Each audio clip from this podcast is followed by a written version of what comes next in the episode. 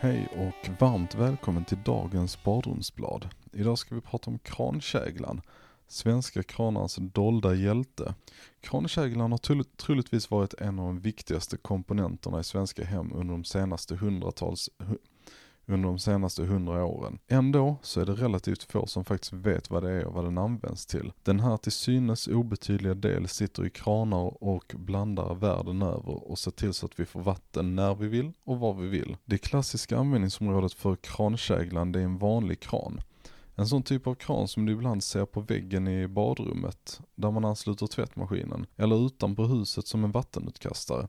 Nu har dagens moderna vattenutkastare justerat funktionen lite så de släpper ut överblivet vatten i rören för att förhindra frostsprängningen. Men i änden på röret, då är det ändå samma gamla krankägla som sitter och håller emot flodvågen av vatten. Om du någon gång har använt en tvättställs eller köksblandare med ett vred för varmvatten och ett vred för kallvatten är chanserna väldigt stora att du varit i kontakt med en krankägla.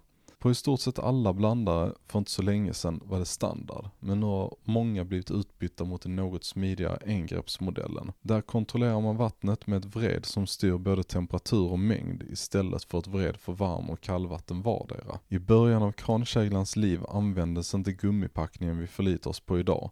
Då hittade man ofta krankäglor med en packning av metall eller med en läderpackning. Kranar med den här typen av flödesreglering har funnits åtminstone sedan mitten av 1800-talet och i Sverige sedan sent 1800-tal. Den mest kända tillverkaren av kranar med krankägla är F.M. Mattsson som började sin tillverkning av kranar på 1870-talet. Det är dock oklart när själva krankäglan kom till. Hur som helst har FMMs krankägla blivit den som lite satt standarden.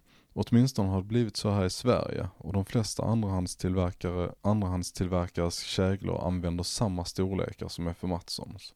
Krankäglan är som sagt en av de vanligaste orsakerna till att din blandare står och droppar efter att du stängt av den.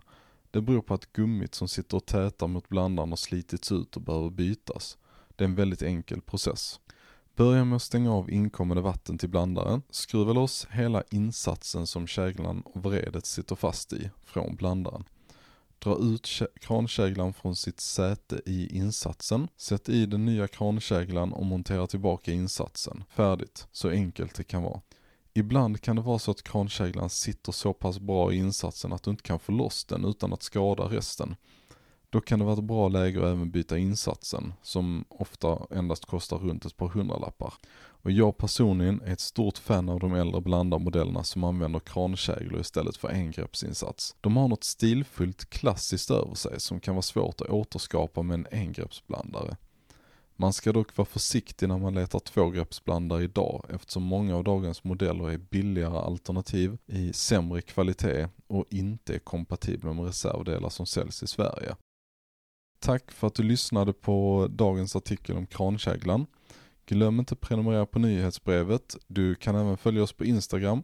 Så surfa in på badrumsbladet.se så hittar du länkar till eh, Instagram och eh, möjligheter att prenumerera och alla tidigare artiklar. Tack för mig så hörs vi nästa gång. Ha det, hej!